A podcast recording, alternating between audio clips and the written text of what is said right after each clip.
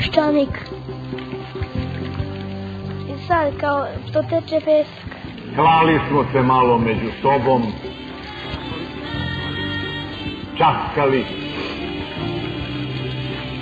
prebirali po sećanju. Srbi krvli za kulturom, za civilizacijom evropskom, za modom evropskom, o leševi srpski! Nacionalizam kod nas nije isto što nacionalizam u Francuskoj. Peščanik.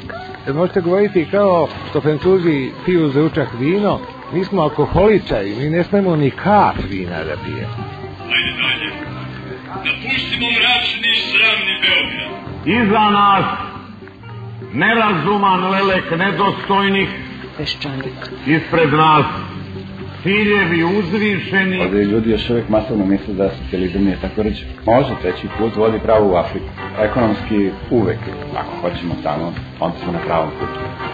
iznad nas zver koja nas vodi putevima gospodnjim.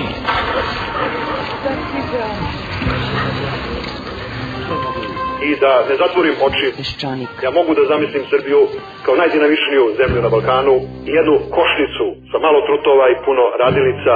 Ako ne uspemo, niko nam neće biti kriv. I dugo smo, dugo još putovali.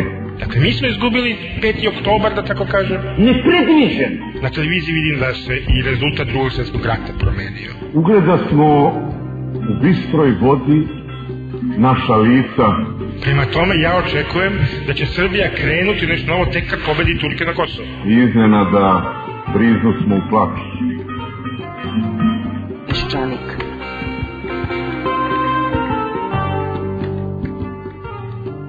Dobar dan poštovani slušalci, svi znate šta se događa. Albanci su izgleda rešili da satru sve Srbe sa sve školama, crkvama i domovima zdravlja. Srbi u Srbiji, ako već i ne mogu da dohvate Albance, bar hoće da zgaze sve što ih na njih podsjeća. Džamije, poslastičarnice, Rome, sirotinje. I Srbi Albanci i njihove političke i ideološke vođe misle da na taj način najbolje služe svom narodu. Svako bi se od njih zaklao da baš tako služeći svome narodu služi i opštem ljudskom dobru. A, dosta davno, ali ne tako davno, ruski filozof Solovljev je ruskim slovenofilima poručivao Vi, gospodo, kažete, služeći svom narodu, služimo i čovečanstvu. S istim pravom je moguće reći sledeće. Služeći samom sebi, služimo svojoj porodici, služeći svojoj porodici, služimo svome narodu i tako dalje. A kao rezultat svega toga mogu da se ograničim samo na to da služim samom sebi.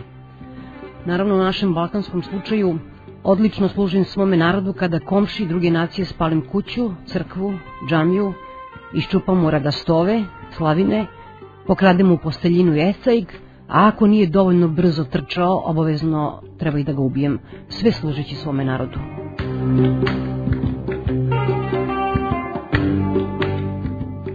Ovo je Peščanik, naš prvi današnji sagovornik je Miloš Vasić, novinar Vremena.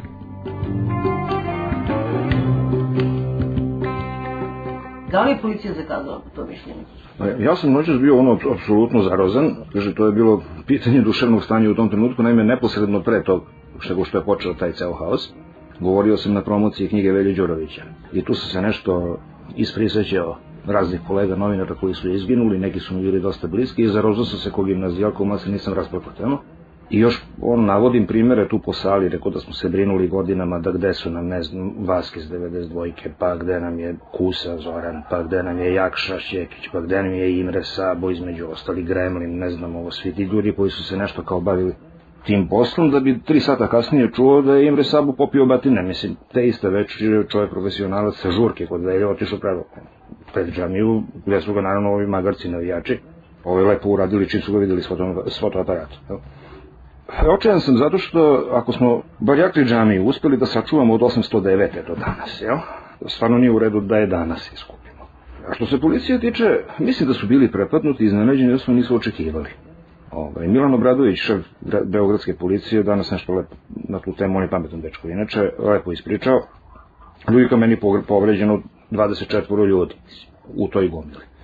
Praktično ono, koliko ja čujem, skoro cela ekipa koja je branila. Ovaj, oni, jedino što mi je preostalo bilo vatreno oružje, što im je bilo rečeno, nemojte, ne smete. Mislim, niti se to može tražiti, jel?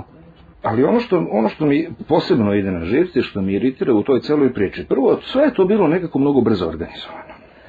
Isto kao što je u, na Kosovu bilo mnogo brzo organizovano pogrom Srba na bazi naduvane i lažne informacije o toj albanskoj deci koje su se davile po Ibru. Mnogo mi se svi brzo organizuju. Mnogo mi to liči na 91. godinu, ono, na naduvavanje atmosfere za pripremu rata s Hrvatima i trala, evo kako već, no, da se daleko bilo. Posebno me, plus dopunski iritira profesionalno učešće futbolskih navijača kojima je samo da, da se pobiju s policijom, da nešto ovaj, polupaju i ako Bog da opljačkaju uspod. Bez obzira da li je pitanju šljivančanin, ovo, ovo ili ono da bi sutra da daleko bilo u apsilo recimo ne znam Borku Pavićević ili Natašu Kandić i neko pozvao na protest pridružili bi se ovi i to je ono što se što je poznato još u 68. godine u Francuskoj za vreme e, studentskih nemira čuvenih to se zvalo Katanga u Parizu i uvek je bilo, mislim, i u našoj 68. i, i u svim demonstracijama i uvek bilo toga, ono što je što je toga sve više i više ja ne bi bio protiv zakonskog uh, uh, projekta ili, ili čak možda uredbe vlade da se ti magarci preventivno hapse. Ovo je na legalu. Evo. Pa da ih se drži negde kao onda sedite i čutite dok se ne završi. Malo pre si rekao da te zabrinjava činjenica da su se jako brzo organizovali i sinoć u Beogradu, a naravno i na Kosovu. Da počnemo ovim samo u Beogradu, na, na što si mislite konkretno? Mislim konkretno na to da ceo dan stižu te nekakve vesti ove, sa Kosova, takve i onakve, i da se tu odjednom pojavljuju razne javne i estradne ličnosti koje brže uspaljeve govore, pojavljuju se taksisti kojima je najlakše da se organizuju po njihovim radiomrežama, pojavljuju se razni obrazi, justini, filozofije, mislim, već ta mrakobesna klerofašistička mafija koja funkcioniše sve vreme. I najpoučniji detalj od svega je jadni Amfilohije Radović koji se pred tom džamijom ono preklinje, čovek širi ruke, ono moli Bogoradi, nemojte ljudi, mislim i sve. Ne, sve to veliki, sve to samo ono pravoslavac, ono liki, ali ništa im ne vredi kad, kad im se mitropolit obrati. Zapravo niko od tih ljudi nije ni hrišćanin ni pravoslavac. Se razumemo oko toga. Mislim, i to, mislim da će se sveta matera Srpska pravoslavna crkva pokajati jako jednog dana zbog tog prvo filetističkog iskušenja, a drugo zbog iskušenja da pomeša carstvo Božije i carstvo zemaljsko. Iskušenje da se od pravoslavlja napravi državna, državna religija, nešto po grčkom uzoru, ovaj, je strašno opasno iskušenje, pogotovo u ovoj zemlji. Što su neke tih grupa izmakli kontroli, govori i ona činjenica da te podsjećam, kada je patrijarh lično izašao da ih moli da ne sprečavaju službu Božju evangelističku Ista priča, ista priča. Čak ni siromah Paja nije uspeo da ih odvrati od budalaštine. Sad, sad će oni da brane Anglikancima da slave uskrs, pritom se zaboravlja naravno ono što ko ima elementarnu religijsku kulturu i poznavanje religijskih odnosa zna e, da ako je neko bio naš saveznik sve vreme, to je bila Anglikanska crkva. I ko je fljusnuo koliko 650.000 funti ili, ili koliko za obnovu Hilandara, nego budući poglavar Anglikanske crkve, princ Charles. To naravno ne znači ništa. Mislim, njima je što rekao moj prijatelj Teofilo Pančić, njima je bitnije da otmu pare od egzita. Iako je vlada Vojvodine već izvadila Bogolju popriličnu sumicu za pomoć Hilandaru, ne, neka treba od, od egzita oteti pare, jer što veli Teofilo, dobri morasi u Hilandaru neće da prime pare ako ne budu znali da su otete od egzita. Mislim, to su komične priče, da se razumno kad čovjek pogleda duh vremena i istoriju i sve, to su, to su budalaštine najobičnije, ali od tih budalaština na kraju su polupane glave.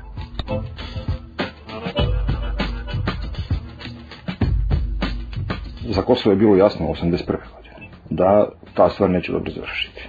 Ja sam ono, Bog mi pomogao, sedao sam Još sam probao jednu godinu i po do dve godine mog života na Kosovu, između 81. i 89. mi smo to radili na smene. Uglavnom se Milan Milošević siroma i ja menjali tamo.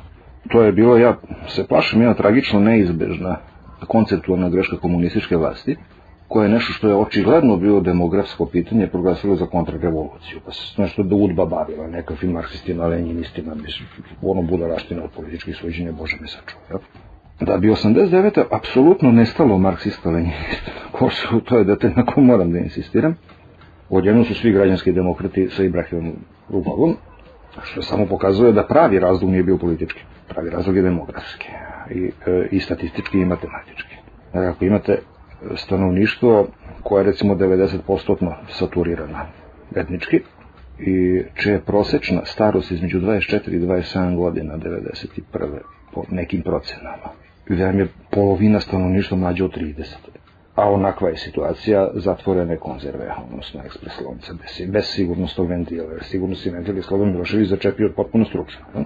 Onda kad, mu, kad vam to eksplodira ulice, onda ja ne vidim ono, šta ima se radi.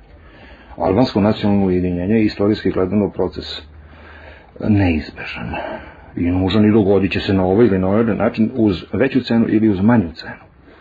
Kad pogledamo 95 ili 93% zasjećene albanske teritorije u susednim državama dobije se jedna dosta lepo zaokružena slika buduće velike Albanije. Doći će do toga pre ili kasnije.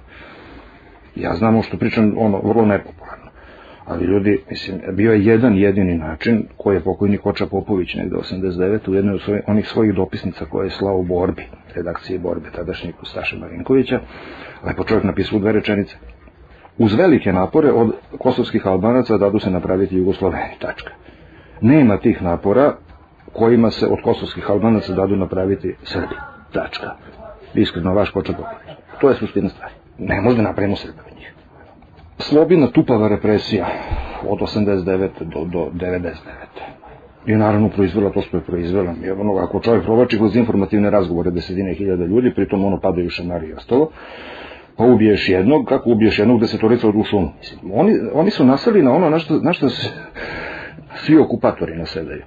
Masovne represalije protiv civilnog stanovništva. U najbolji način izgubiš rat. To se ovde nije shvatilo i sad smo dobili to što smo dobili, a pogotovo sa, sa tim skandalima iz 99. godine tokom rata, s masovnim protirivanjima i ostalim stvarima. I ovo je dakle, kad čovjek sad se vrati na, na početak priče, ovo je bilo očekivano. Pre ili kasnije ovako ili onako. Pritom je NATO napravio i neki od nas smo upozoravali na tu stvar još 99. NATO je napravio strašnu grešku jer se razvio na Kosovu, KFOR, jel? pod strateškom pretpostavkom da se razvije u prijateljskom okruženju. Ispostavilo se pretpostavka katastrofalno pogrešna, jer čim je počela frka i, i oni neredi i građanski rat u Makedoniji, pa kad je NATO probao nešto da uradi, onda su videli da kojim stoji iza leđa. I da su se zapravo napravili stratešku grešku u, u, uopšte u političkoj proceni. Da kosovskim albancima sve jedno, da li im sedi slobina policija ili, ili im sedi KFOR. E sad, da li će se nešto postići nekom podelom Kosova, da li po linijama Dobrice Ćosića iz 93. godine, ili nekim novim, ono, Koštuničinim i Čovićevim linijama sadašnjim, ja ne znam, meni se to sve više mi liči na Severnu Irsku, ta cela priča. Znači, slučaj neizlečiv i dugoročan.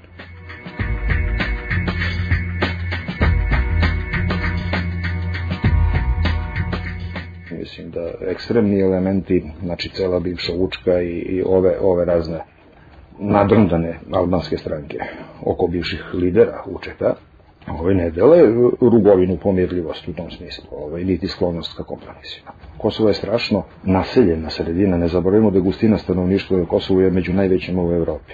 U takvoj gustini i u takvoj atmosferi glasine se pretvaraju u plamen istog trenutka. Bilo je dovoljno da neko pusti crva, da su nekako ono, srpska deca podavila nekakvu albansku decu, što je ispalo da nisu na kraju, ali mislim dok je ispalo da nisu bilo gotovo, ljudi su primetili, kaj sad ili nikad imamo izgovor. Ne znam da li si vidio Sini Holkeri kada se obratio građanima Kosova i Metohije, ne znam kako drugačije da ne kažem, apelujući na mir i sad iza njega su stajali i Daci, predsednik Skupštine, dakle i bio je Redžep i predsednik vlade, videla sam Rugovu, videla sam Haradinaja, ali ja nisam videla Tačija i Alima Čekua. Ali misliš da treba izvesti da, neke zaključke? Pa ja mislim da iz odsustva Tačija i Čekua treba izvesti zaključak. Ovaj, da oni ljudi misle da što staću ja sad tu, da mi ovaj tu smiruje ono što sam ja upravo potpalio. Jer oni su ljudi ekstremisti, oni hoće da isteraju svoje, Mislim, ko da mi ne znamo kako to izgleda, alo, setimo se 91. i drugi. Da šta su vrištali na Krajišnik i Karadžić, ne znam, ono, Mile Martić i Goran Hadžić i, i ta ekipa i šta se događalo. Nisu oni tu ništa drugačije. Uvek se setim mog dobrog prijatelja Ramiza Kurtešija, bio dugogodišnji urednik deska u informativnom programu televizije. Meni 90. godine upozorio da je jako zabrinut. Ko zašto si zabrinut? Pa kad za moje Albance sam zabrinut. Pa zašto? A on kaže, mnogo mi se na Srbe ugledaju, neće to dobro završiti. I Ramiz je bio prorok stvarno. Ocelio se u pulgu među vremenom.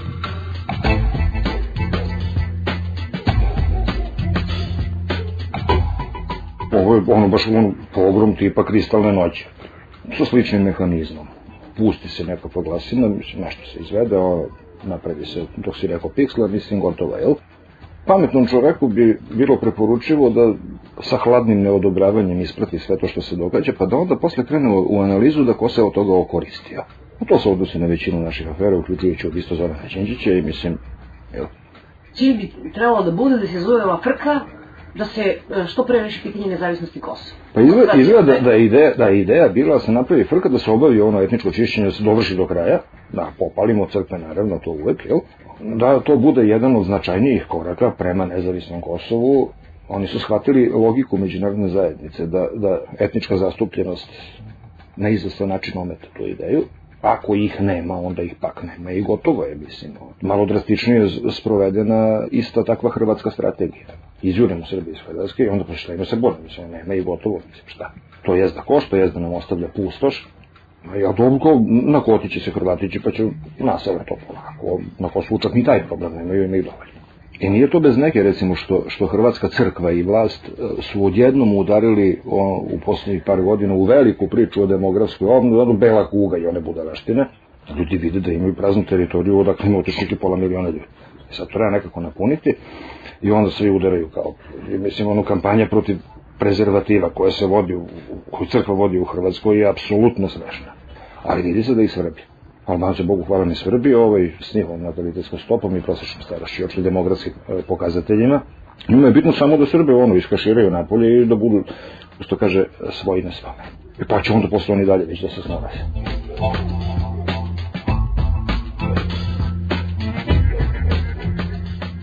Mislim da oni ove rezultate naših ratova gledaju kao svršen čin s kojim oni tu ne znaju šta će, odnosno jednostavno ne, prag osjetljivosti im još nije dodirnut. Ovako, neki samo se ne ubijaju mnogo. A drugi problem međunarodne zajednice je što od 90. godine nadalje oni jednom prvorazrednom problemu, kao što je balkanski, sve vreme ga daju ga na rešavanje trećerazrednim ili četvrtorazrednim političarima. I onda se to ono posmatra kao side show, što bi se reklo u cirkusu, usputna predstava, svak mi svoje dupe najdraže, jel, se vodi računa eventualnim žrtvama, ne dobog da nam neko pogine, malo, malo li se provodimo po Iraku i Afganistanu, još i ovde da počne da niko se nije potrudio da, da shvati da šta je islam u Albanaca i Bosenaca, u Albanaca mnogo manje nego u Bosenaca čak, tu najrazbaženija moguća verzija. U životu nisam čuo za albanskog imama ili muftiju da je nešto rekao, politički. Ovi bosanski su se još naučili da viču, ovi jadnici nisu, mislim. Jednostavno u Albanaca to sa verom nikakve veze nema isključivo etnička stvar. Ja sam inače sklon da tražim najbanalnije razloge u, iza tih tako jako velikih vrućih parola koje se valjaju u vlasti je reč. Hoće ljudi vlast, pa da vidim, mnogo poreskih obveznika.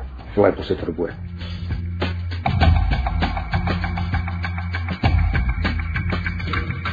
Kako ti se čini reakcija iz Beograda, vlade, odnosno političara? Pa to sam ono juče i danas imao onu čuvenu stvar opisanu u staroj jevrijskoj poslovici da kad se barjak razvije sva je pamet u trubi. Ja, I sad ima svi da trubimo isto i da se deremo, naravno deremo se, vidim Čović se ističe naročito. Ono što radi Čović je pametno, Čović diže cenu, ono diže ulog cele priče. E, pustite nas da ne bismo. To je, to je mudar potes. Reći ovako ljudi, ne terajte nas do kraja, jer ako dođe do kraja, mislim, imamo i mi čime da mahnemo, jel? A ovo sve ostalo je, mislim, manje ili više na fin način busanje u prsa junačka. To je, ko je to rekao, Nena Čanak u jednom trenutku 97. 8. Kosovo treba zamotati u 100 maraka i ostaviti na ulici da uzme koja će, mislim, jer koja će normalna država da ima Kosovo svoj E sad, što tu naše junačko, srpsko, istorijsko srce za tim boli, pa dobro, mislim, verovatno se i to dade srediti na neki način i u tom smislu je, ja ne razumem zašto međunarodna zajednica ne, insistira više na zaštiti tih svetinja i kulturnih spomenika. Da im se da neka vrsta eksteritorijalnosti i da to ostane, pa makar se vozili oklopni kolima do tamo. A i to, naravno, i, i ta albanska uspaljenost sada i triumfalizam neće, neće do veka trajati. Ali bitno da to ne izgori kao što sada gori, što je stvarno strašno.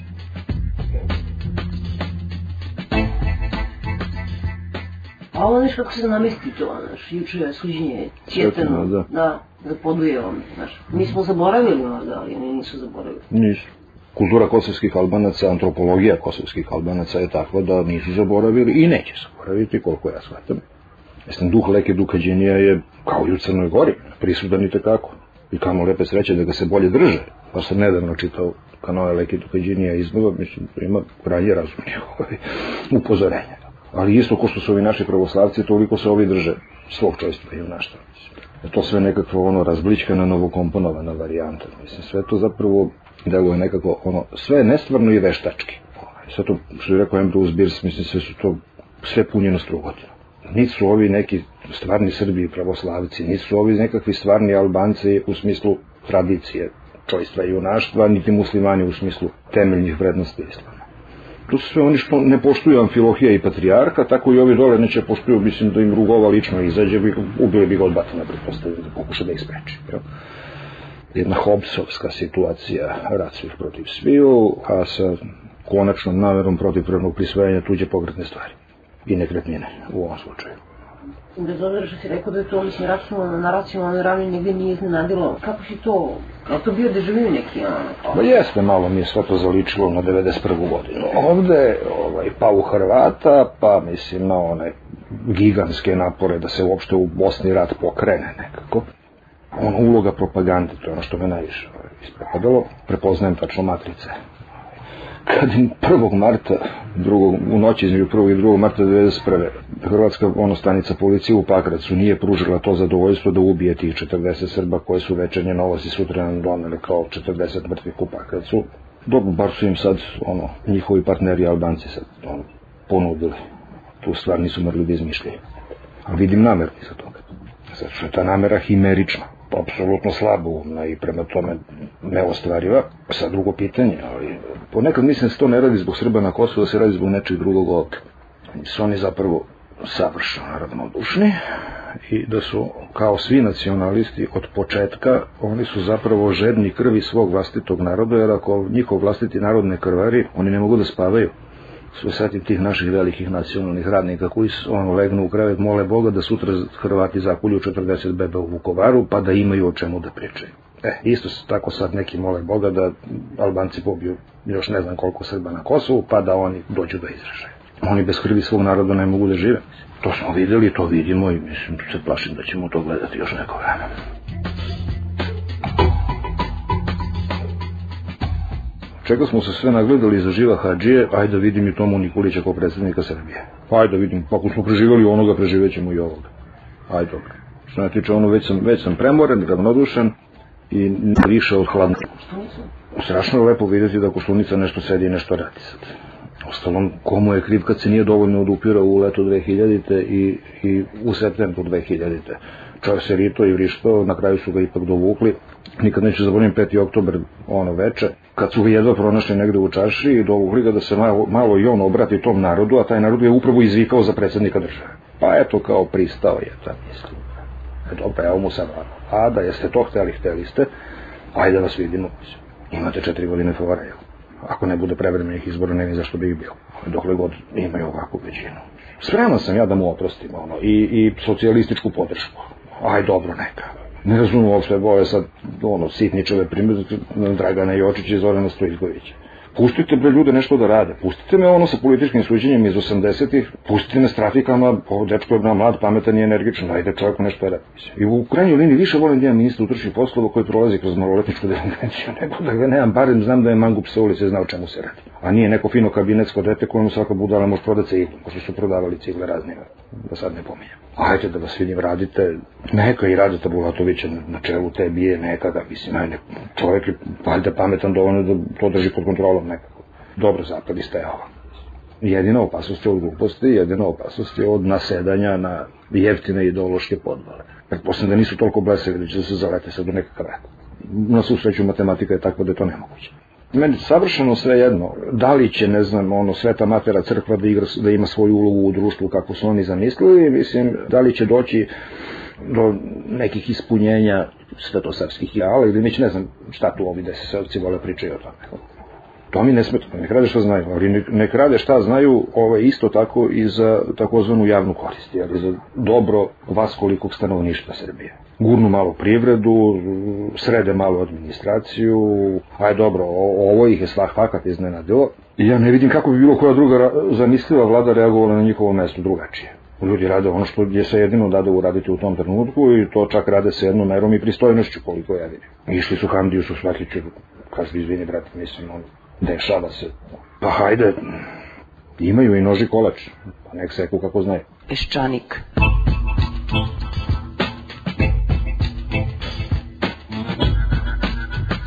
Slušate Miletu Prodanovića, pisca i slikara.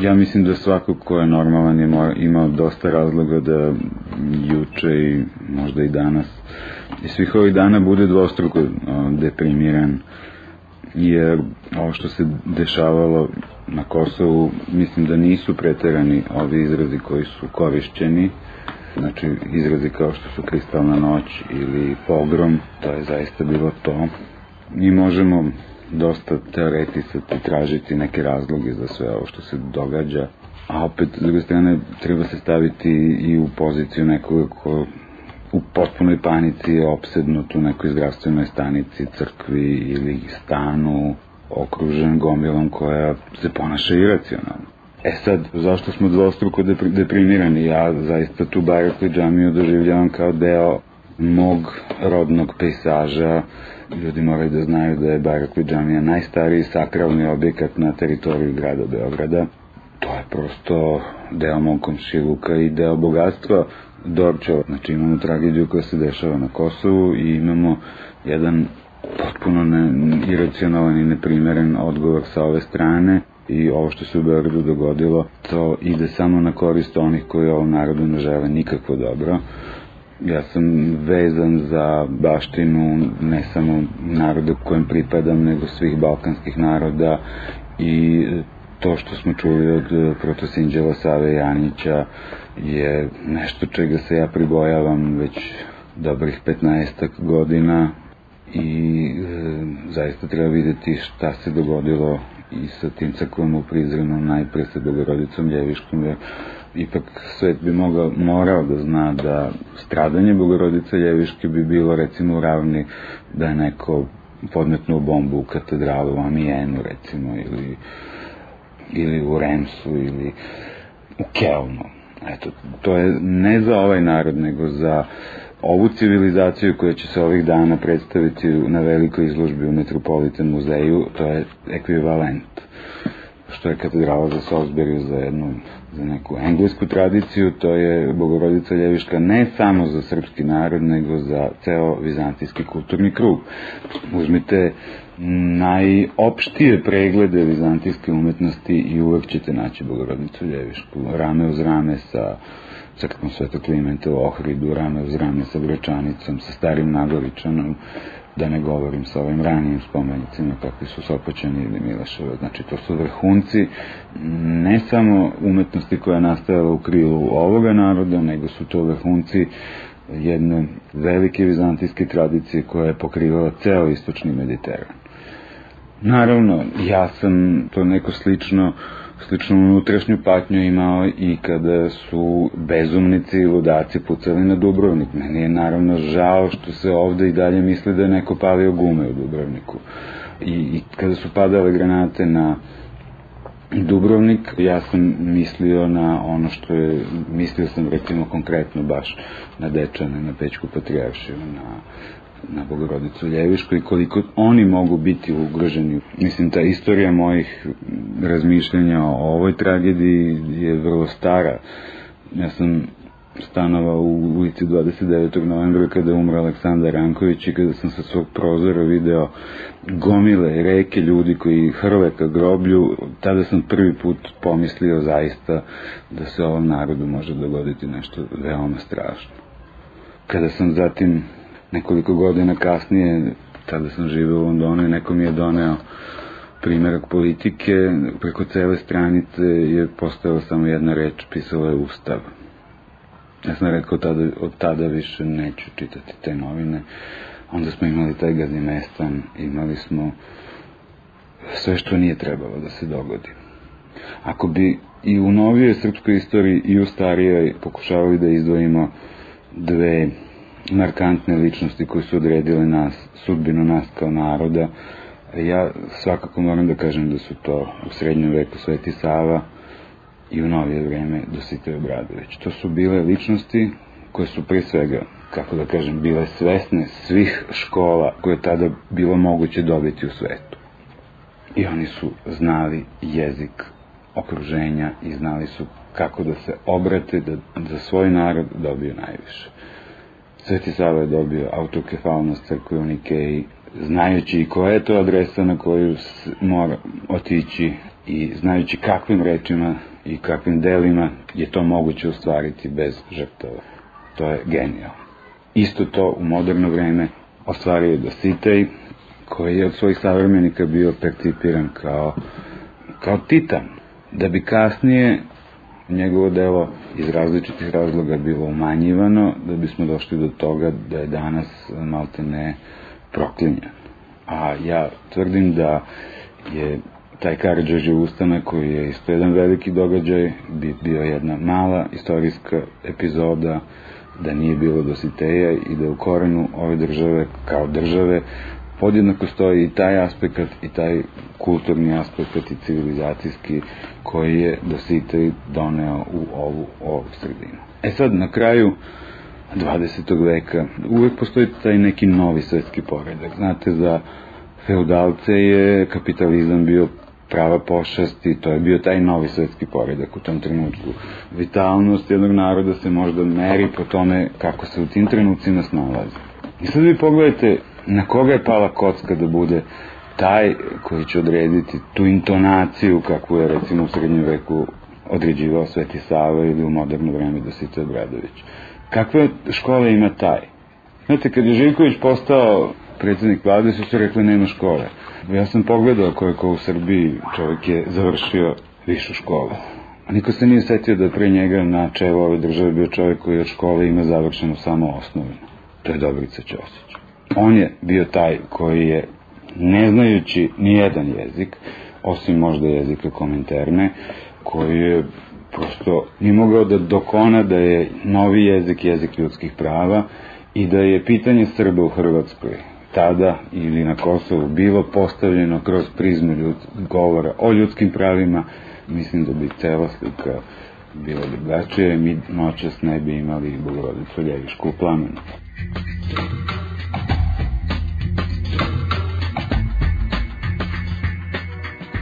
Budući da naš novi ministar policije dolazi iz jedne stranke koja nije učestvovala u protestima protiv Miloševića, on možda ne zna da su nas na ulicama Beograda 96.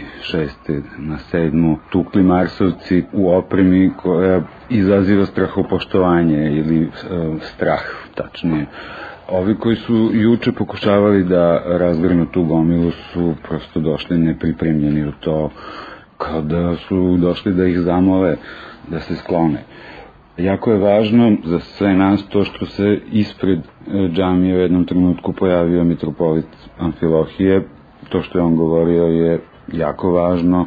Mislim da je on sa svojim autoritetom i harizmom i on i drugi vladike naše crkve su mogli da iskoriste taj svoj ugled na sličan način i ranije. I velika je šteta za sve nas i za našu crkvu to što e, ranije nije korišćen taj autoritet da se zaštiti manjina. Znači, mislim da je to jako važno. S druge strane, i Amfilohije i svi ljudi koji su pokušali da unesu neki razum i, i red, oni su se suočili dakle sa navijačima sa huliganima. Znači nisu to bili ljudi koji su poreklom sa Kosova i imaju neku razumljivu, povišenu emociju, više od svih nas.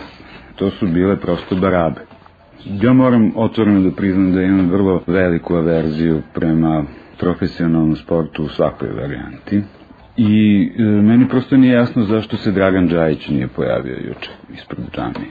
Amfilohija je jedna vrsta duhovnog autoriteta koji je tu da nas podsjeti da je Bog jedan i da bez obzira na to na koji se način mi njemu obraćamo, da je svetinja svetinja. Ja vas podsjećam da je recimo knez Mihajlo e, lično obnovio tu džamiju u 19. veku, jer u jednom trenutku Beograd je ostao bez muslimanskog stanovništva i onda je sa obrazloženjem da, je, da se to čini za versku utehu putnika, knez Mihajlo e, lično e, popravio tu džanju.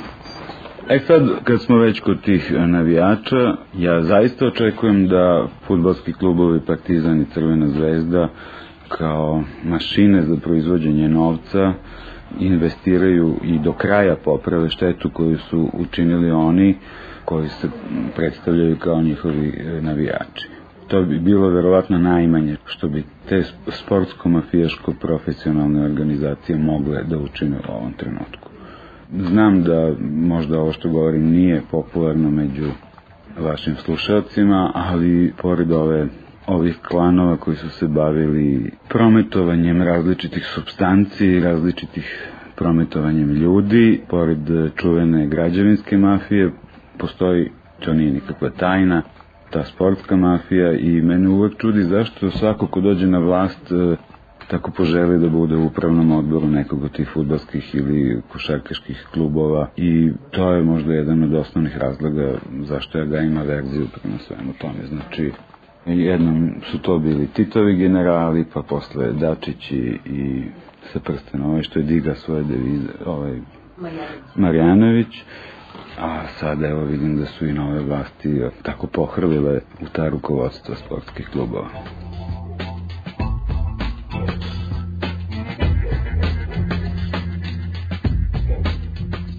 Ja sam vrlo, vrlo, vrlo uvek bio kritičan prema devijacijama u našem poimanju nacije i tradicije i mislim da imam pravo iz te pozicije da da govorim i o tim devijacijama sa albanske strane. Mislim da to uništavanje baštine je možda poslednji čin nestanka naroda sa tih prostora.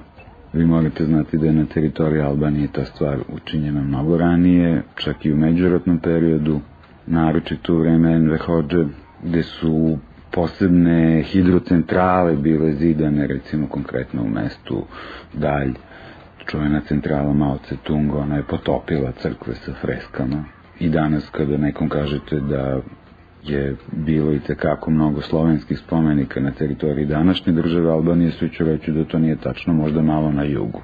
Ali bilo ih je i na severu, u Skadarskom kraju, ali danas to više ne postoji.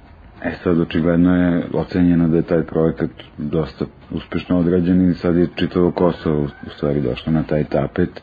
Ja sam recimo došao do nekih knjiga koje su NGO-ovi u Albaniji objavili kao istoriju albanske kulture i u tim knjigama ćete videti da su Albanci dominantno katolici i pravoslavni muslimana skoro da nema. Zato, zašto? Zato što su muslimani sada marketinški nepovoljna kategorija baš to prožimanje i ta neodređenost nekih delova balkanske istorije je kao dušu dala za nove, nova čitanja i nove komponovanja, tako da ćemo recimo u toj knjizi saznati da je da su Albanci 1389. godine izgubili na bici, u bici na Kosovu, predvođeni princom Lazarom i pomognuti od još nekih drugih okolnih bal balkanskih naroda. To se u tim krugovima UNESCO Ka i drugih vrlo protura, znači da ti spomenici koji sada više polako nestaju sa Kosova u stvari uopšte nisu bili srpski, nego su to bili albanski koji su Srbi samo prefarbali, znači to je opet teza koja ide. Konačni cilj možda i nije stvaranje neke nacionalne države, sad te neke nove nacije kosovske koja se sad možda razlikuje od te albanske ili će tu možda doći do nekog ujedinjenja što ne znam šta će biti, ali prosto mislim da je tu više tendencija da ranije je bilo to da jedna nacija treba da ima neku svoju državu, a sada mislim da nacija nije bitna, mislim da je bitna mafija. To se podjednako odnosi na neke druge nerealizovane državne projekte na Balkanu. Znači, prosto je važno imati svoj bantustan, e, imati svoju potpuno kontrolisanu teritoriju, koja onda može biti relej za transport ljudi, narkotika, ovoga ili onoga. Evo, ne znam zašto u vezi sa svim tim, znači to neko nacionalno talambasanje, zašto mi sad u ovom trenutku recimo pada ta ideja nove vlade u Srbiji da mi kao građani treba da plaćamo odbranu naših zlikovaca pred Haškim tribunalom. To je strašno. To je potpuno nedozvoljeno. Ja bih možda bio za tu varijantu kada bi ovaj mali što je slagao gajbice, pa zaradio više nego svi slušalci koji u ovom trenutku slušaju ovu emisiju, e, više nego svi oni zajedno. Dakle, kad bi on te pare vratio porezkim obveznicima ove zemlje, od kojih su linearno otete 93. i kasnije kroz razne neke, e, a ne da ih vrti po zemljama bivšeg Sovjetskog saveza. Tako da mislim da bi i novi predsednik vlade morao da konsultuje građane, a ne da donosi odluke tako na prečac. Neka, brate, taj genijalni mladić e, plati odbranu svoga oca. Vrlo je čudan splet okolnosti da je baš juče na dan kada su počeli nemjeri na Kosovu u Beogradu osuđen e, čovjek koji je ubio druge ljude, civile, decu. Mi moramo tek videti ko je to šetao lešave po ovoj našoj zemlji i u ime koga. U moje ime ne. I zato ne želim da plaćam odbranu niti Miloševića, niti bilo kog drugog u Hagu.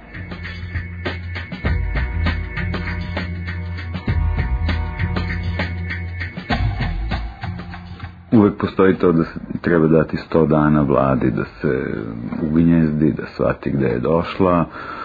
Pa hajde, daću im ja 100 dana, mada moram da kažem da da je količina ona ispokojavajućih stvari već u startu bila toliko velika da prosto ne znam kakvu će pravdu uh, moći da, da određuje, deli i postavlja neko ko je spaljivao knjige. Mada sam čuo da on sve radio po zakonu, ali Znate, i ovaj što je puštao ciklon B u Auschwitzu, on isto radio po rasnim zakonima koji su tada bili na snazi, pa... Ova vlada je nekako kao neki, čini mi se, hajde dobro, mi imamo heraldički kao i većina isto zemalja iz Vizantijskog Commonwealtha, imamo tog orla sa dve glave, Mislim da ta naša vlada isto ima dve glave. Jedna, jedna će gurati ka ubrzanim reformama koje će biti možda čak i efikasnije nego ove koje je prethodna vlada sve obe, obazirući se previše na taj socijalni aspekt e, vodila tom brzinom koju je vodila. Znači, iznutra je to uvek izgledalo sporo, s polja kažu ljudi da je to bilo čak dosta brzo, ali moguće da će taj tehnokratski deo vlade koji je okupljen oko G17+, te reforme čak i ubrzati. Kakve će to konsekvencije imati po naš život, to ćemo videti. A činjenica da postoji ta druga, druga glava te vlasti koja je u stvari sa prethodnim režimom, ne ovim oko dosta, nego ovim prethodnim prethodnim, uspostavila određeni kontinuitet e, pri svega na planu te konzervativnosti generalne. Bojim se da je ovde u pitanju čista rekonkvista, amnestiranje zlikovaca i možda čak e, premijer ima neki lični problem sa ličnošću pokojnog Zorana Đenđića i ja sam pošto dolazim iz vizualnih umetnosti, ja vrlo obraćam pažnju na taj govor tela i sam taj čin preuzimanja vlasti u trenutku kada Zoran Živković se rukuje sa novim premijerom, taj trenutak traje dugo, pamtite taj kadar, blicevi sevaju, način na koji nekontrolisano odskače leva ruka našeg novog premijera mi je nekako ulio jedan duboki nespokoj. Šta ćemo mi od nam još, što je sasvim moguće, skoro izvesno? Tomica dođe. Toma niko izađe za predsjednika. Ne bi se ja toga bojao. Kad dođe Toma za predsjednika, ne znam kakve su to ingerencije, ali eto mladić u Hagu za tri dana. Peščanik.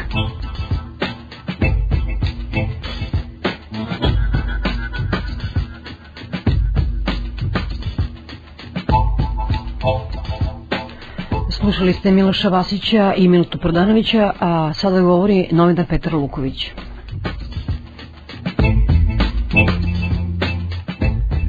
U ovoj zemlji već godina postoji taj jedan sentiment, neverovatan Kosovo je Srbija, sveta zemlja, Jerusalim. Mislim, Kosovo nije Srbija. Kosovo nije Srbija i Kosovo nikad neće biti Srbija. Ajmo da kažemo raptivno istinu koju svi znaju. Ko ima mozga, on to zna. Ajmo. Zašto? Pa da je Srbija, ajde uvedemo vardo stanje na Kosovo ako je Srbija. Ako je Srbija, ajmo naše snage da pomognu na Kosovo ajmo ti ja sutra u Prištinu ako to Srbija. Ajmo, ajmo bilo šta da uradimo. Naprosto ne možemo ništa. Ne možemo granicu oprećemo. Ne se će čovjek traži dozvolu od umnika da uđe unutra. Dakle, se prema misli Kosovo i inostranstvo. Jebeš sad 1, 2, 4, 4 rezoluciju, to je, to je inostranstvo, de facto. I naše ideje iz vlade koje su bile da mi uvedemo, bilo takvih ideja u vladi, da mi uvedemo vanredno stanje na Kosovu, takvih je bilo stvarno čuli smo, to se, recimo, mi možemo da uvedemo onom vanredno stanje u Kataloniji, sa istim validitetom. To je prvo. Drugo, svi zaboravljaju kako je došlo do toga, do ove situacije. Niko, niko ovih dana ne pominješ kako je to došlo. Šta je bilo 99. godine, 98. 97. Gde su zahtevi Ibrahima Rugove sa autonomijom kulturnom Kosova 93. godine? Finale je onako meni apsolutno bizarno i srpsko totalno tajno. Da imamo ispred vlade Srbije miting taksista, gde se na kolima, gde se popali prvo ceca, pa dementno meso, kriminalno ko se zove Kristina Golubović, i na kraju popisnik vlade Srbije koji se zove Veljević. Ili već šta je, ministar za kapitalne investicije. Pa, to je slike plike Srbije. I ako se neko čudiš zašto nakon toga je zapaljena džamija, ne mora da se čudi. Naime, ja sam sjedeš na televiziji u izjavi Jončića, a izjava je neverovatna. On je rekao da naša policija nije htjela da izme naš narod. Dakle, naš narod a ima pravo da radi šta mu god padne pamet, jer naša policija neće ići naš narod. Pravo tome, mislim, možemo pljačkati, ubijati, paliti. A druga stvar pod B je to da je ta policija rezervisana za neki drugi narod. Dakle, mislim, policija radi samo protiv, ne znam, albanaca, muslimana, Roma, pojma, Bukara, Hrvata. I to se sve već videlo. Dakle, ne verujem uopšte u tu priču da je ovaj, ta džamija ob, nije obranjena iz nekih razloga bilo malo policije. To naprosto to džamija je šotovan. I na kraju, kad sabereš sve se desilo, ko je akcija naše vlade, pa Koštulica razgovara dva puta, tako rekao sa Hogerim, rekao čuli smo se dva puta, divno. I mi smo uputili, ne znam, neka zahtev negde odlično, onda je, ne znam, neko otišao u New York da što radi, super, i onda zaključak idemo svi pred crkvu. Super. I to je to. A druga stvar je u svemu tome da niko tih ljudi, ali ama niko iz te nove vlasti, a mislim, mislim gore i gomila ljudi iz stare vlasti, neće priznati jednu stvar koja je tako očigledna. Koju je Holbrook ponavlja, mislim, kao muta već jednom pet godina, šest godina. Nema, nema Kosova u Srbiji. Sve koje je racionalno to, to zna. Ali da, pošto nismo nije racionalno, onda imamo Krista Golubovića, Velju Ilića i Cecu. Ne znam ko peva, ne znam ko priča, ne znam ko kolje u tom slučaju. I na kraju imamo sad finale, finale to danas na CNN-u i na BBC-u ili svim mestima. Nije vez da, je, da su deseći Srbi na Kosovo su zapaljene kuće, da su ubijeni i prognani, je vez da je da su zapaljene dve džamije. Dakle, mi imamo potpuno jedan obratni, jedan uspešni anti-marketing, neverovatan, ali neverovatan, uz pomoću policije. Pazi, danas počitam gore neku izjavu pomoćnika ministra policije, ili već ne znam, koji kaže da oni nisu očekivali da će ovi da napadnu džamije. Pa bilo je, pa bilo tako jasno. Mislim, ja ne znam koji su to, koji su to znaci svemira, trebalo budu pa da im kažu, e, mi idemo tamo. Zna se. E, zna bio u gradu u 12 sati da sam vidio Klims, koji igraju, pevaju, gore to, ubi šiptara, ubi konje, zakonje, super, odlično, super, 15 godina. Kakav će taj biti kroz, kroz 3 godine kada je 18 godina? On je već 15 godina potpuno formiran kao idiot. Pošto nova vlada Srbije će sad imati jedan fenomenalan alibi, savršen alibi. Mi ćemo sad tri meseca, četiri meseca slušati sve moguće priče, pa nemojte nas zamajavati pričama o Haškom tribunalu, socijalnom programu, ekonomiji, privatizaciji, ne znam više o čemu, kad Kosovo gori, kad naši Srbi tamo gori. I to ćemo imati šest meseci. Mi su Koštovnicu. Šta je rekao Koštovnica u roku od dva dana? Ja bih volao da nađem čovjek koji bi možda mi interpretira šta je on rekao. Šta? Povodom čega? Šta? Pati samo da bi trebao sidom pred crkve. To znam samo da sam ukapirao konkretno. Dakle, ja sutra bi trebao da spravim tamo pred crkvom i šta onda? I, i, i, mislim, ako ne je Bog jedina šansa, mislim, onda smo ga najbali, mislim, da ja vidim. Pre to mislim da jedno rešenje ovako, real, mislim, užasno realno rešenje, to je da od tog Kosova što postoji toga, gledati da se sačuva što se može sačuvati. Dakle, ti neke manastiri kao atrakcije albansko-srpske, ali živo dole te oči gledano, tu nema šansi nikako. Nema šansi. U ostalom, svi smo zaboravili šta se na Kosovu desilo pre deset dana. Meni je to palo pamet tog dana da možda to je jedan od ovih, kao kažu, uzroka, trigera, što kaže Englezi. Tamo je predato 185 tela iz baterice. Naputu ekipa RTS. Znaš, 185 kovčega predati ljudima, pa što nije, nije tako mala stvar. I verovatno je, verovatno je, sigurno sam gotovo da je to jedan početak, onako inicijalna kapisla, nešto što na Kosovo postoji. Prema tome, neko, da, neko uverenje, ne samo međunarodne zajednice, već, već i odavde, da postoje pretpostavke da da život mirano, ne postoji. Pa ne postoje, to smo svi znali da ne postoje, pa ne postoji. Zašto se lažemo? Zašto te ljude goramo dole kad znamo da ne mogu dole, da mislim da prežive da rade? Pomoć Kosovu, u kom smislu je pomoć Kosovu? To se naši tamo poslanici u Skupštini daju da su morali, da su, mora, da su moralima, ne znam, on, Skupštini u. Da, da su na moralima, ne znam, da su Albanci, da nema što nema Srba negde, mislim, na mozaiku. Jebote, gledaš te morale, a s te strane, znaš, oko drvo, a u šumi ono se dešava sve i svašta. Znaš, mislimo, fantazma narod. Znaš, oko narod koji, znaš, ono, fiksira neke stvari koje su potpuno nebitne. Jebu morale. Pa jebeš morale, mozaike, pa misli kockice male, da su Albanci, da imaju Kečića, ma mislim šta me to interesuje, pa brani, pa mislim brani, ima, ima mnogo bitnijih stvari od toga. Mi su pet dana potrošili samo oko tih morala. Mi se obezbedite ljude tamo, aman, to je bitno. Ako će ići na to tamo da žive i ubedio ih da tamo sve super, pa mislim onda, onda im kaži, onda im kaži nije sigurno, ljudi vrate sama. Jok, morali su nam biti. Sad se mi čudimo što je na Kosovo ovako, pa naravno da tako jeste. Pa ko je očekivao drugčije da bude? Pa šta je očekivao da će Albanci sad dozvole da imaju enklave i da su Srbi budu? Pa svašta. Ovo je samo finale, nešto što se dešava već deset godina ljudi, pa nije u početak nečega. Nikad nisam razumio zašto, zašto vlast laže te ljudi. Zašto ih ubeđuje da će, da će oni živjeti na Kosovu mirno, zašto ih ubeđuje da, da će Kosovo biti Srbija, zašto ih ubeđuju da, da ako još malo izdrže da će biti genijalno, ne razumem. Jebeš istoriju. Šta to sad ima veze koja je bio u 11., 12., 9. veku? Pa nema to, mislim, ovo je 21. 2004. godina, pa ne možemo da ga vratimo vreme po nekad. Ne možemo. Nema, mislim, ne, ne razumem uopšte, ne, ne razumem.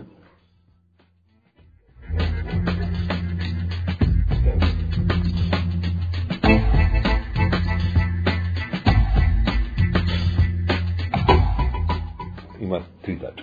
A, mi se iz Srbije ne možemo vratiti na Kosovo. Odnosno B, možemo, evo, Toma Nikolić, radikali, Vučić, pojma nemam ko, Bulin, SPS, svi ostali, Čović, e, možemo. Uzmemo armiju i idemo gore. C, bombardovanje za dva dana kompletno po Srbiji. Super. Pa nam to, mislim je to ideja. Je moguće da su svi u Srbiji, 90% ljudi, odbiju da shvate činjenicu da Kosovo nije, ne znam po koji put da kažem, Kosovo nije Srbija. Kosovo nikad neće biti Srbija. Ni Kosovo i Srbija nemaju veze. Ne kaže da je Kosovo nezavisna država, nemam pojma šta je. Neće možda biti nezavisno. Biće možda pod nekim protektoratom 50 godina. Ali nema veze sa Srbijom, zaboravimo Kosovo, aman ljudi. Uglavnom spasimo što možemo. Pazi, izbor na Kosovo u Srbiju. Pazi, vlast, poslanici u Skupštini. Pa daj me, nemoj da mislim. Stvarno mislim koji izgleda kao zajebancija čisto. Pet, ne znam koliko njih živi u Prištini, u nekoj zgradi, žive gore, pričaju vrata, blindirana, gore imaju radio i gore žive gore. Pa mislim, pa to život. To je posjeća stalno neku scenu koja je bila pred juče. Je bila autoput Beograd Niš. Kod Jagodine, tako kaže RTS, su se Jagodinci patrioti povlaka spontano okupili na autoputu i zaustavili automobil. Što bi ja rekao, ne ljutio se, ne znam, ovaj, pastir na selo, pa sebi odsek ono stvar. Mislim, šta ću uradio time, zaustavio automobil? Ne, ali ja čuo objašnjenje.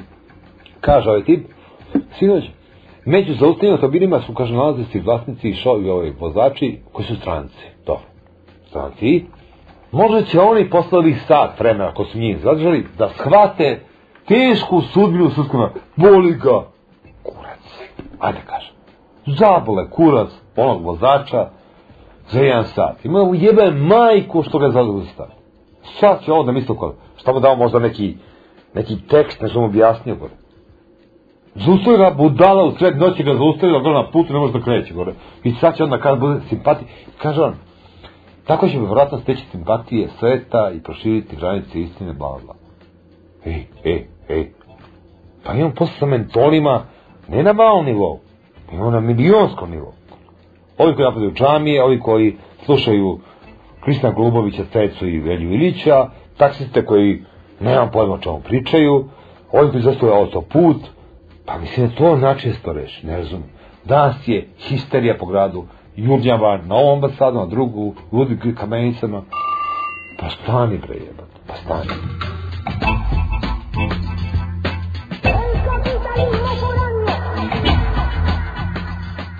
Kod nas je sve užasno opasno. Kod nas počinje sa jednim povodom, a završava sa potpuno šestim povodom. Kad za holandžin host? Da mi neko objasni zašto holandžin? Zašto ne čilanci? Zašto juče zvali da uđu taksisti da ga podržu? Zašto ne mesari? Zašto ne krojačice? Od toga što zovu kristalna noć dole, nemoj da napraviš i ovde kristalnu noć. Ne im treba duplo. Ako vi dolazite, mi, mi ćemo sjebati duplo.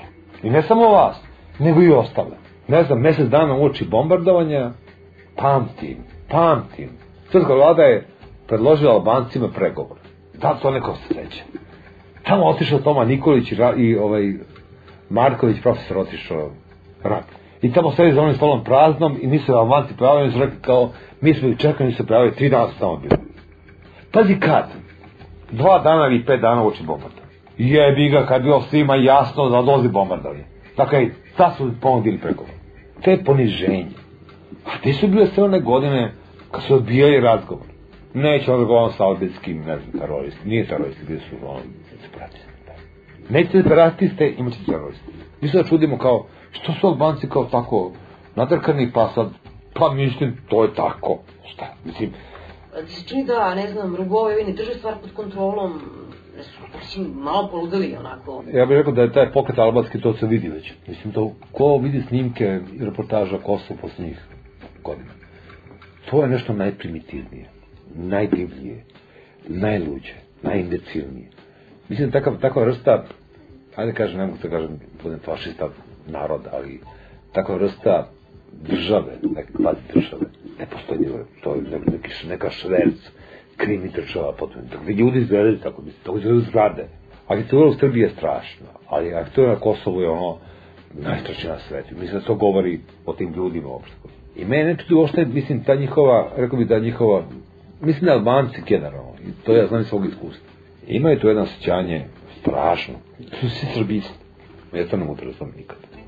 I ja sam bio, pa mislim, možda misli, ja sam bio neprijatelj Albanaca. I meni je ovo što se sad dešava, to nije samo, mislim, ta vrsta osveta o kojoj se neko, o, o kojoj govorim. I nije to vrsta samo revolta da se. Naprosto to je, rekao bih, jedan, jedan proces koji traje užasno dugo. Postoji jedna genetska patološka Srbiji. Ali ono što je strašnije možda od svega, to je da su to svi mi znali. I ništa nismo učinili. Ništa nismo učinili da tu mržnju svedemo na neka racionalni nivo, da pokušamo da pacifikujemo te stvari, da se smirimo. Ne. Naša ideja je bila gore da se na takvu vrstu odnosa odnosimo još gore. I to je ono što me nervira strašno. To je, dakle, nije bilo ni pokušaj. I to je jedno taloženje zla. Mi na Kosovu imamo taloženje zla koje traje već jedno 20 i nešto godine, ja više to pamtim. A i izvini, ali onda moram da pomenem, mislim da spada 96. godine kad je počeo su protesti, jedan od prvih dana bio kad je Bog Drašković zahtevao da mi budemo mi, da imamo minut čute za ubijenog albanskog dečaka na Kosovu. I svaka čast Vuku, svaka čast njemu. Tada. Šta se promenilo tih 8 godina? Kako smo izgubili tih 8 godina? Ajde, prosto biti. Izvini, to je bio trenutak koji je bio, gde sam se osjećao ponosno, smo mi kao Srbi, kao demonstranti, kao protiv Miloševića, mi smo pokazivali vrstu tolerancije koja je bila nezapamćena. Ovde neće da stoje mirno i minut i za ubijene Srbe dole trenutno. A nije to bitno. da mlati. Pa ne, u sam mlatiš po, mislim, opišeš trafiku, to ti je deo nacionalnog interesa, opišeš trafiku, uzmeš. Ovi naši, kad bi gledali u Španiji, šta je bilo, da je rekao kao, mislim, pizde. Šetaju s svećama i čute. To, treba da nešto, nešto razbijemo, zapalimo, da imamo vazu, super je. I na kraju što dobiješ? Na kraju dobiješ, dobiješ priču o Srbima koji opet pale džamije, a mislim, priča o Srbima na Kosovo je pod G, F, Y, Z, X. Ja sam ovdje na CNN-u, da imam vez da je zapljena džamija u, u Beorodu, u Nišu je minaret pao, i te mi ovog tipa koji kaže, koliko god oni budu pravili džamije, mi ćemo da ih rušimo, oslonjen na ramena policajca, to priča, by the way, Pa to je meni kao tipu sa CNN-a super vest.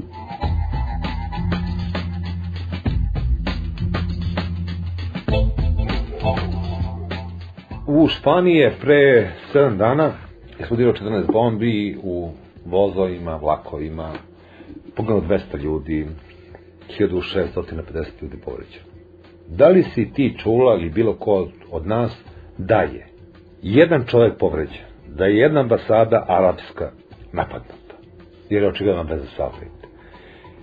Dakle, bilo je mirno, dostojanstveno i bilo je stvarno bilo dramatično, možda kaže da kad čovjek vidi onu, onu nemu masu koja, koja hoda ulicama, bez reči sa svećama, to izgleda stvarno strašno, čovjek se mora naježiti i, i mora gledati nekakav i mora imati neku predstavu dojam o tome.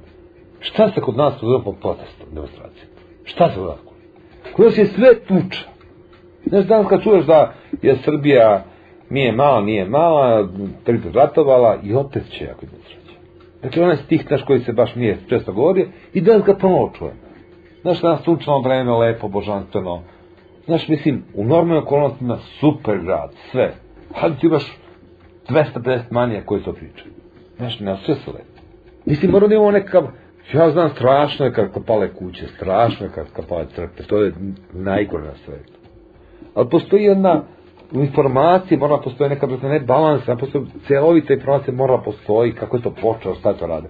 Pa nisu oni počeli da pale kuće bez veze. Nešto je pre toga bilo. Zašto mi ne možemo da imamo normalan, normalan proces građanski, normalna demonstracija, normalno izražavanje tuge i tragedije za reči. Zašto ne možemo nikako da? Ne može nikako da. Samo smo jednom u životu, to je smrt Đinjićeva, kad je bila, da smo videli prvi put, jedini put, kako ta kolona ide. Ispostavili se mesec dana nakon toga da 70% tih ljudi iz te kolone pljuju tog čoveka koji su iz koloni bili. Pa za nije tabla i čupana Đinjićeva danas. I to je vest. To je glavno stvar. Dakle, taj Đinđić više nije, da se ošte mrtav, nego je džubre. Ovi protesti nisu samo protiv Albanca. Ovi su protesti kao što više mnogo protiv Čanka, protiv Ustaša, protiv, ne znam, Suzlata Vojvodine, protiv Đinđića. To se širi. To se širi. Zašto Hoanđeli? Zašto da ne? Neko da je zašto Hoanđeli? Pa why not? Juro Šloković se pojavio sa Cecom zajedno i socijalisti i sad i u parlamentu daju izjave regularno. Pa super! Pa da. Šta je Toma Nikolić govorili kod? Ako NATO uđe na snagu, Šiptari šta će biti? Šta bi? Uđe NATO i Šiptari su, mislim, Šiptari, kako imamo zove, tamo su svi. Pa 98. godine to Kosovo pripadalo Srbiji, jest. Šta je bila policija, jest. Šta je policija radila? E pa sad ti, Vukoviću, previše picaš. Šta je radila? E pa sad sjedi ga, sad kako ste vi počeli to, to je vaša stvar. Mislim, ne može očekivati da 4-5 godina ti ljudi kažu sebi, super, primit ćemo srpsku vojsku kao deo kvora. Pa mislim, to samo idiot možda predloži uopšte. Pa kaži, budi Koštunica, budi junak, pa kaži, ljudi, mi ništa ne možemo učiti. Imamo dve varijante. Da učimo ništa, što činimo vrlo redovito i super za crkvu, i pod dve, da pozovemo sve dobrovoljce, ne znam, vojsku, žene, pojma, ne mesare, teksite, idemo svi na Kosovo, pa da se bijemo, da, ono, otrčno. Super. A, mislim, ako takav tip, pa je pozovi onda, ajde, mislim, da vidimo to. Da, slušam gledam klince, idemo na Kosovo. Pa jebote, pa mislim, idemo na Kosovo. Da si na vladi, bilo, čuo sam, naravno, ko će da pravi transparente sutra na mitingu gore, ko je Dinović pravi, on je gore. Meni pao pamet da će glavna dilema biti da li će biti ne damo Kosovo zajedno napisano ili ne damo Kosovo što nikad nije napisano. Uvijek je zajedno ne damo Kosovo. Verovatno to psihološki ne damo Kosovo, ne možemo da razdvojimo čak ni to, a kamo li Kosovo? Dakle, ne damo Kosovo to je jedan reč. Cijelo život tako bio. Ali uvek svaki miting je ne damo Kosovo jedna ista reč. Uvek. Dakle, to je glavni, ko, dakle, to je bitno. Ko će pravi transparente, Da li će Paja da priča, ali neće, da li će priča Amfilohija ili još neki, neki, neki drugi ludak gore. Pa mi ne razumeš, to je pojem. A niko neće kaže činjenicu ljudi, pa Kosovo nije u Srbiji. I nije Kosovo u Srbiji. I treba bi svaki dan napraviti jednu špicu, na radiju u kome se kaže Kosovo nije Srbija. Džingl, veselo. Kosovo nije Srbija. Uđu u uši. Ja bi super volao da Jadran srpski. Genijalno bilo, super. Ali nije. Ne možda bude tačka, gotovo, završena priča. Zaboravimo te priče šta bismo mi volali. Sve. Super. Ja sam do Moskve gore, pa, pa rudnici, pa Nemci, pa sve robovi naši, pa super, odlično. Ceo svet je naš.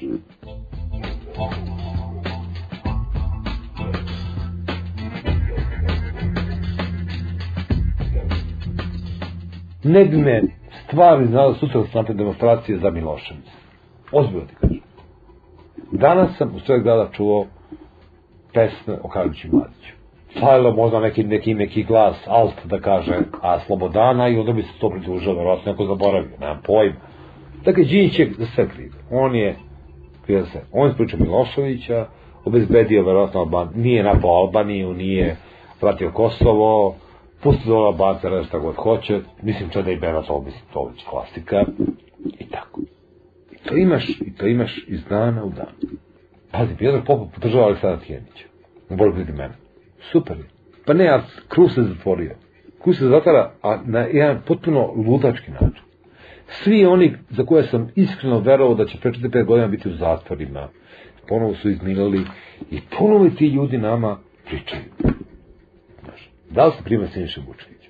Ali je sino Siniša Vučević na BK gore 10 minuta o Kosovu. Pa mislim, kojim povodom? U kojoj funkciji? Ne razumem zašto who the fuck is Siniša Vučević. Šejko Simić, ja ovo moram da kažem. Šejko Mali Simić, neki dan nekom od ovih lista. Dakle, lopov. Dakle, ono, lopov, dokumentovano lopov.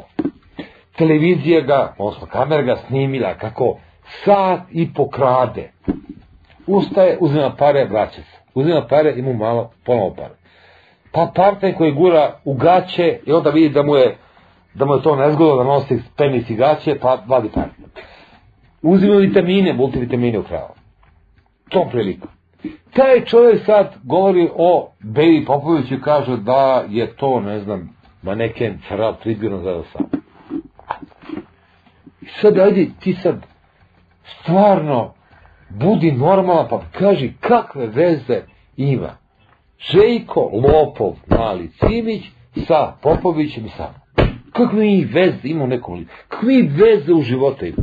Ne, ali to je neko rekao ajde sa svim novom tekst pa ajde pusti Suština na kraju uvek stoji jedna, jedna rečenica koja, koja je moj favorite jingle. Kosovo nije Srbija. Džinga, džinga.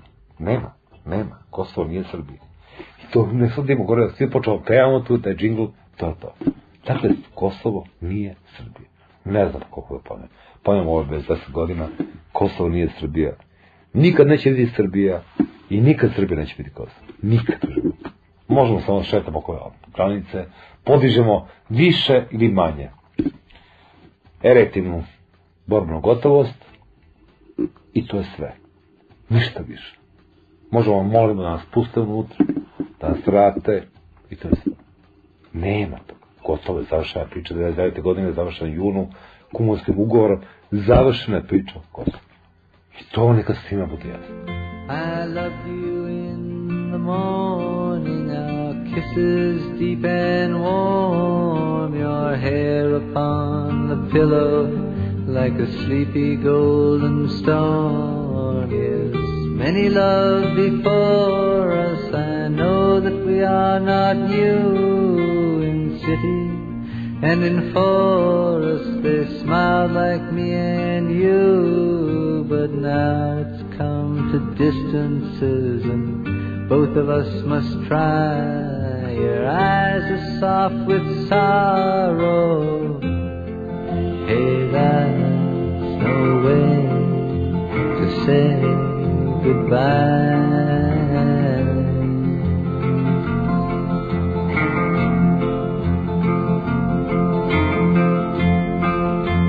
I'm not looking for another as I wander in my time.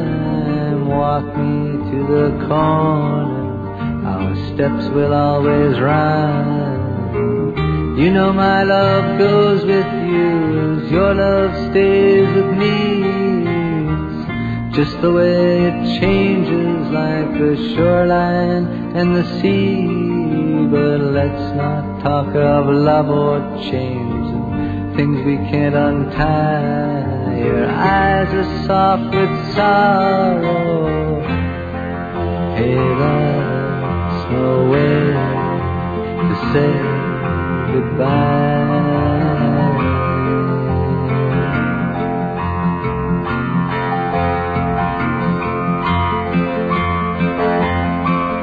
I love you in the morning, our kisses deep and warm, your head on the pillow like a sleepy golden storm.